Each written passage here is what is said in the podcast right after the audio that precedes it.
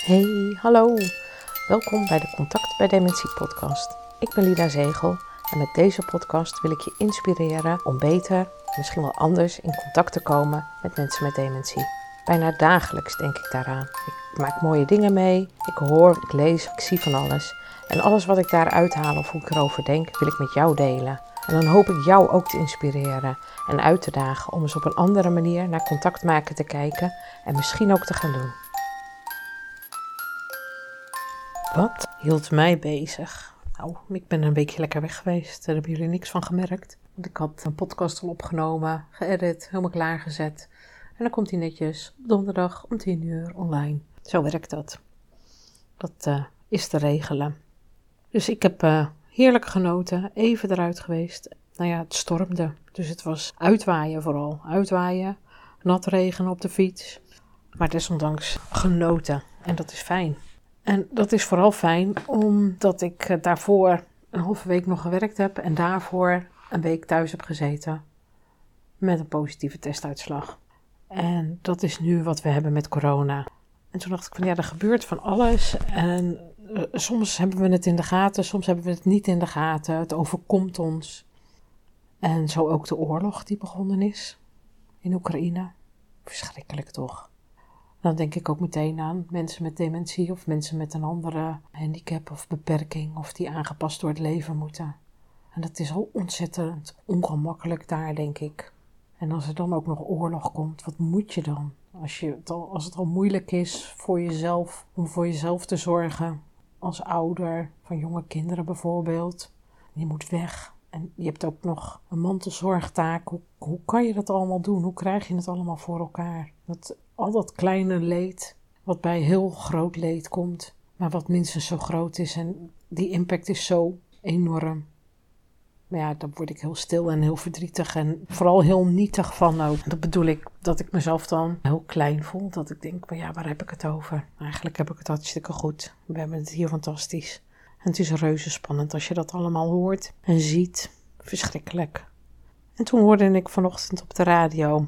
En vanochtend is uh, de maandagochtend. Ik luister altijd naar Radio 1. Dan hoor ik soms hele interessante dingen. En ze keken terug, ze blikken terug op uh, wat er uh, de avond daarvoor op televisie was geweest. Daar kwam het verhaal van iemand, een 100-jarige, die bij Umberto Tan had gezeten. En dat hij nog zo, zo levendig was en zo vol energie. En hoe bijzonder dat was. En daar kwam uit dat, dat het vooral het optimisme was wat mensen helpt. En dat vind ik dan weer een hele mooie overgang van het hele verdrietige en het hele nare naar dat optimisme, wat blijkbaar alle 100-plussers verbindt. Er is onderzoek naar gedaan over de hele wereld. Daar kwam uit dat als je altijd uitkijkt naar de volgende dag, ook al is er iets vervelends gebeurd, dat je dan gewoon heel optimistisch in het leven staat. En dat dat eigenlijk bij al die mensen het geval was. Dus dat optimisme, dat dat helpt. Ik hoop dat het ook helpt bij mensen die het nu heel moeilijk hebben. Dat ze toch vol hoop en optimisme kijken naar de volgende dag. En vooral dat optimisme dat het dan voorbij zou kunnen zijn. En ondertussen komen er ongelooflijk veel prikkels binnen, want er gebeurt enorm veel. Prikkels in een oorlogsgebied zijn natuurlijk enorm heftig. Ook al verwacht je het, komt dat altijd onverwacht, denk ik. Dat weet ik niet, maar dat kan ik me zo voorstellen. Maar ik kan me wel voorstellen dat prikkels vaak wel effect en invloed hebben op mensen. En zeker ook op mensen met dementie. En dat zien we ook in de verpleeghuizen, waar meerdere mensen bij elkaar zitten. Als ik daar binnenkom, dan is er vaak rust. En heel veel mensen vertalen dat als saai. Ja, dat ligt er maar aan hoe je je eigen oordeel hebt. En dat projecteert op anderen, in dit geval mensen met dementie. Is het saai als er helemaal niks te doen is, als er rust is? Nou, ik denk het niet. Ik denk dat er altijd wel van alles gebeurt.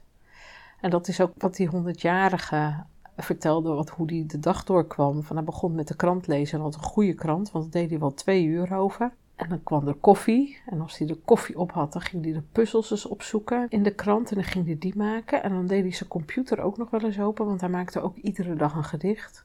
En dan keek hij nog eens tussen zijn dichtsels. En dan was het alweer eten. En misschien klinkt dat wel heel saai als deze meneer, dat is niet zo, maar als deze meneer in zo'n huiskamer in een, in een verpleeghuis zou zitten en daar alleen maar met de krant voor hem. Ik zie het wel eens. Dan zie ik mensen met een krant voor zich en vaak is dat uit gewoonte. Ze zullen plaatjes kijken, misschien de koppen lezen. Geen idee in hoeverre ze wat lezen. Dat doet er ook helemaal niet toe. Ze vermaken zich. En moet er dan meer komen? Moet er dan ook nog een televisie aan? En moet er dan ook nog verzorging bij komen die gaat koffie schenken en mee gaat koffie drinken en vooral met elkaar in gesprek is in plaats van met de bewoners? Is dat dan nog wat we willen? Nou, ik denk dat het wel eens ook goed kan zijn dat er gewoon rust is. Als mensen in een verpleeghuis zijn, is het vaak al lastig genoeg dat ze wakker gemaakt worden, dat ze gewassen moeten worden of geholpen moeten worden met aankleden. Dat kost al zoveel energie voordat ze dan aan hun ontbijt zitten. En dan hebben ze hun ontbijt gehad. En dan zijn ze eigenlijk al moe. Dat hoor ik heel vaak en ik zie het ook. En moeten we dan gaan trekken? Moeten we dan van alles gaan doen? Nee, ik denk het niet. En als het dan rustig is en er gebeurt ineens van alles, dan schrikken mensen. Want het komt onverwacht van zo'n prikkel. En soms zijn ze ook heel goed bedoeld dat er mensen binnenkomen en niet in de gaten hebben dat de mensen die met de rug naar de deur zitten helemaal niet weten of zien of in de gaten hebben dat er iemand binnenkomt. En als je dan ineens je, handen op de schouders van zo iemand zou leggen en zou zeggen: Hallo, ik ben er weer. Wat ik ook zie gebeuren. Dan kan je je voorstellen dat iemand wel eens boos kan reageren. En niet boos omdat diegene jou niet leuk vindt, maar boos omdat diegene dan is geschrokken van iets wat hij niet heeft zien aankomen. Een prikkel die niet prettig aankomt. En ik doe het ook wel eens fout, echt waar. Ook al weet ik het allemaal wel. Want soms is het al te veel om goedemorgen te roepen voordat je een huiskamer binnenkomt. Dat kan al veel zijn als iemand helemaal lekker even in zijn, in zijn eigen kokonnetje zit, als het ware. En als iemand dan boos reageert, dan weet ik van, oh, ik ben te ver gegaan. Ik heb iets te hard gedaan of te veel. Ik bied ook altijd mijn excuus aan. Sorry, ik heb het verkeerd gedaan. Ik snap dat u boos bent. Dat is ook niet leuk. Nee, dat is helemaal niet leuk. Nee, dat klopt. Vaak is het dan ook goed. Gewoon aangeven dat je het begrijpt. Dus mocht je zo enthousiast zijn en schrikken van een reactie van iemand die die prikkel van jou helemaal niet had verwacht, zeg dan sorry. Bied je excuus aan. En kijk eens in de ogen van die ander en zeg: Ik vind het zo fijn om u weer te zien. Dat wou ik alleen zeggen. En ik denk dat als je in elkaars ogen kan kijken, dat voel je, dat merk je. En dan verandert die situatie echt wel. Pas moest ik iemand prikken in het verpleeghuis op een afdeling met mensen met dementie. En zei ze: Oh, nou, dat kan jij wel. En uh, oh, die is zo goed te pas hoor. En die kun je gewoon goed aanspreken. Dus ik kom bij die mevrouw. En ik zeg: Nou, ik moet wat bloed bij u afnemen. Oh, moet dat dan? Ja, dat. Maar ik ga het u allemaal uitleggen. En toen zei ik: van, Nou, ik moest geloof ik drie buisjes hebben. Zoveel.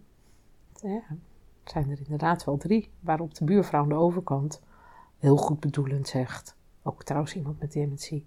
Die zegt: Nou, stel je niet aan, dat is toch helemaal niks. Waarop die mevrouw weer heel erg boos werd.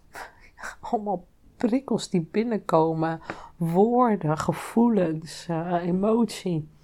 Toen zat ik daarmee van ja, is goed te pas. Hm, makkelijk aanspreekbaar. Ja, maar de emoties vlogen van positief, hè, van vrolijk naar, naar boos, naar verdrietig, naar geïrriteerd. kwam van alles tussendoor. En het enige wat ik iedere keer kon doen is, nou, ik snap dat u ervan schrikt. Dat, het is ook vervelend en het is ook lastig en ik weet ook niet zo goed hoe ik het moet uitleggen. En iedere keer kreeg ik er weer terug. Dus door iedere keer daar toch weer op te reageren, kreeg ik deze mevrouw ook wel weer terug. En terug in die zin dat ze nou ja, bereid was om mee te werken, rustig bleef zitten en ik gewoon mijn ding kon doen wat ik moest doen. Toen ik daarna naar de zorg terugliep en zei van, nou, jullie zeiden van, nou, die mevrouw is goed te pas. Ik zeg, nou, die schommelde nogal in haar emoties. Uh, die vloog van het een in het ander. Het was uh, echt berg en dal uh, bijna. En maakte zo'n gebaar met, met, met, met mijn hand van omhoog omlaag, omhoog omlaag. Oh ja, dat klinkt typisch als die mevrouw, ja. Ik denk, waarom heb je dat nou niet gezegd? Want dan kun je er rekening mee houden. Dus die eerste prikkel had al helemaal niet zo groot hoeven te zijn. Want dan had ik daar rekening mee kunnen houden. Op zich viel het wel mee. Kwam het niet echt door mij, maar meer door de mevrouw aan de overkant. Maar dan had ik daarop kunnen reageren in plaats van dat ik nu eerst haar door die emotie van die irritatie, boosheid moest laten gaan. Is het erg dat mensen dat mee moeten maken, dat ze die emoties meemaken? Nee, dat denk ik niet. Ik denk dat het ook misschien wel goed is als er iets meer gebeurt dan alleen maar vlak en niet zoveel emoties. Dus ik denk ook op zich dat het wel goed is. Alleen zal het voor deze mevrouw heel veel energie gekost hebben. En of dat dan nog zinvol is, zoveel emoties. Vroeger toen ik in het verpleeghuis ging werken als uh, activiteitenbegeleider, toen werd er ook gezegd, ja we lezen de krant voor, maar we lezen alleen maar de leuke berichten voor. Het is ook bijna weer eh, dodenherdenking en bevrijdingsdag. Ja, daar hebben we het maar niet te veel over, want uh, dan worden mensen verdrietig. En ik heb me altijd afgevraagd van, maar mogen mensen dan niet verdrietig worden? Mogen ze dat dan niet benoemen? Mogen ze het daar niet over hebben? Ja, ik denk dat dat wel belangrijk is, dat je dat nog kan voelen en dat je dat kan uiten. Maar dat je daar ook heel bewust van moet zijn als begeleider, dat je daarmee omgaat. Dat je die emotie benoemt wat je ziet en dat je die vervolgens ombuigt naar iets anders. En dat is, denk ik, het meest essentiële: dat je je ervan bewust bent wat er zou kunnen gebeuren en dat je daarop kan anticiperen, dus daar weer op kan reageren. Overigens is die kijk op emoties en het wel of niet nog bespreekbaar maken van de oorlog, dat is best wel veranderd in de loop der jaren, gelukkig. we zijn ons er wel van bewust dat we het allemaal niet weg kunnen stoppen. Maar ik denk dat het wel mooi zou zijn als we ons ervan bewust zijn dat we, hoe we daarmee omgaan. Dus vandaar ook dat ik dat hier ook nog weer benoem. Dat ook met de oorlog in Oekraïne. Want het is natuurlijk verschrikkelijk wat daar gebeurt. En dat zal allerlei herinneringen oproepen bij mensen met dementie. Waar die hele oude herinneringen nog wel eens heel levend kunnen zijn. En heel dichtbij. Leg dan maar uit wat er aan de hand is. En hoe wij hier zitten. Ja, ik denk dat dat wel belangrijk is. Maar dat zijn ook prikkels. Wat zijn dan prikkels? Prikkels zijn in mijn bewoording dingen die gebeuren die je niet zo had verwacht. Die anders zijn dan de sfeer waar je op dat moment in zit. Het kan een geluid zijn, het kan een aanraking zijn. Oh ja, die aanraking, dat wou ik ook nog zeggen. Als mensen met hun rug naar je toe zitten en je benadert ze. Het meest vervelende wat je kan hebben is dat er iemand al aan je rolstoel trekt voordat ze nog maar contact met jou hebben gemaakt. Dat er contact is met de rolstoel en niet met degene die daarin zit. En dat is een enorme nare prikkel waar je dan mee te maken krijgt. Stel het je voor dat jij in een stoel zit en er komt iemand van achteren aangelopen en die doet bij wijze van grapje, trekt jouw stoel naar achteren. Ik denk, maar dat ben ik, want zo zou ik reageren. Ik zou enorm schrikken. Dan uh, geef ik een, een hard woord of, sla misschien wel achter me aan van, van wie zit hier, wie doet dat, wie is er zo idioot om dit te bedenken. Wees je daarvan bewust. Als je iemand benadert die met zijn rug naar jou toe zit, ga eerst naar de voorkant. Kijk eerst degene aan voordat je ook maar iets doet om hem te bewegen of aan te raken. Als iemand in die rolstoel zit, kijk naar, ga loop naar voren, kijk hem aan, spreek hem aan en zeg: Ik neem u even mee, ik ga uw rolstoel pakken. En op het moment dat je achter iemand bent, hou dan ook even contact met diegene. En dat contact, dat is dan niet meer met je ogen, maar dan kun je de je hand op de schouder leggen van diegene. En dan zeg je: Ik ben hier, ik sta achter u, ik ga de rolstoel nu naar achteren trekken. En op het moment dat je dat doet en vertelt wat er aan de hand is, wat je gaat doen, waar je heen gaat, dan maak je die prikkels een stuk minder. En dan zorg je ervoor dat dat verplaatsen of wat je ook moet doen met iemand, dat dat gewoon rustiger begint. Want doe je dat niet, dan schrikt iemand, dan wordt iemand boos. Overleg je niet wat je gaat doen, dan weet iemand totaal niet wat er gaat gebeuren.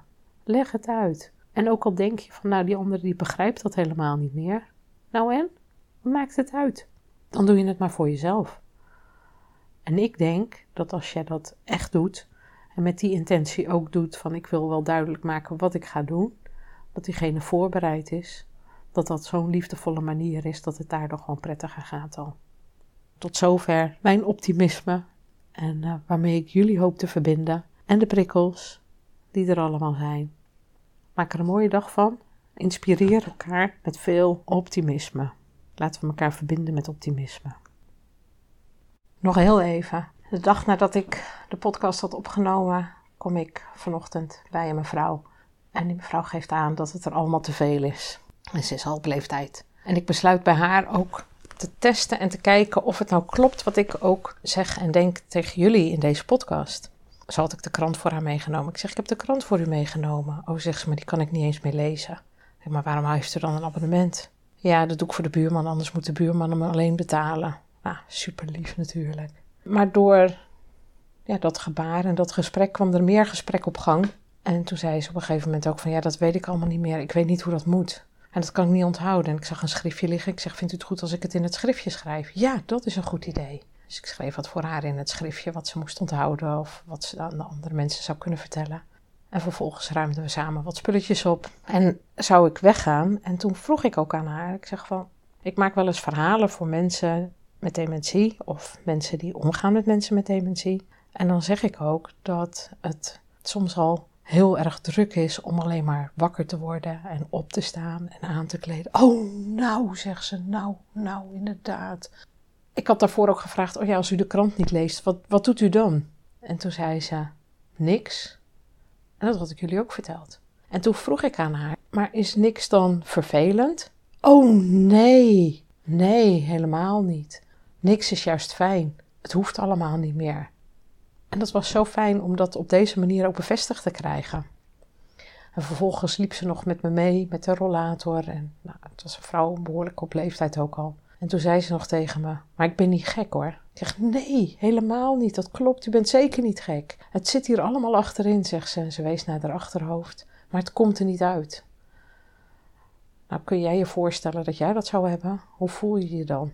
Maar als je dat weet en je komt iemand tegen met dementie, dan is dat iets wat je kunt onthouden. Mensen zijn niet gek, het komt er alleen niet meer uit. En als je stukje bij beetje vraagt, kom je er ook nog achter wat wel en wat niet werkt. Nou, bij deze. Ik ga jullie nu een heel fijne week weer wensen. En tot de volgende keer. Ja, dat was het weer. Wat fijn dat je luisterde naar deze podcast. Super bedankt daarvoor. Want samen maken wij de kloof naar mensen met dementie minder groot. Abonneer je dan ook op deze podcast als je automatisch een bericht wilt ontvangen als er weer een nieuwe aflevering online is. En als jij een review achterlaat of een sterrenwaardering, kan deze podcast ook nog sneller gevonden worden. Hoe mooi zou dat zijn? En het zou nog fijner zijn als jij jouw positieve ervaringen wilt delen op een van je socials, bijvoorbeeld met een schermafbeelding.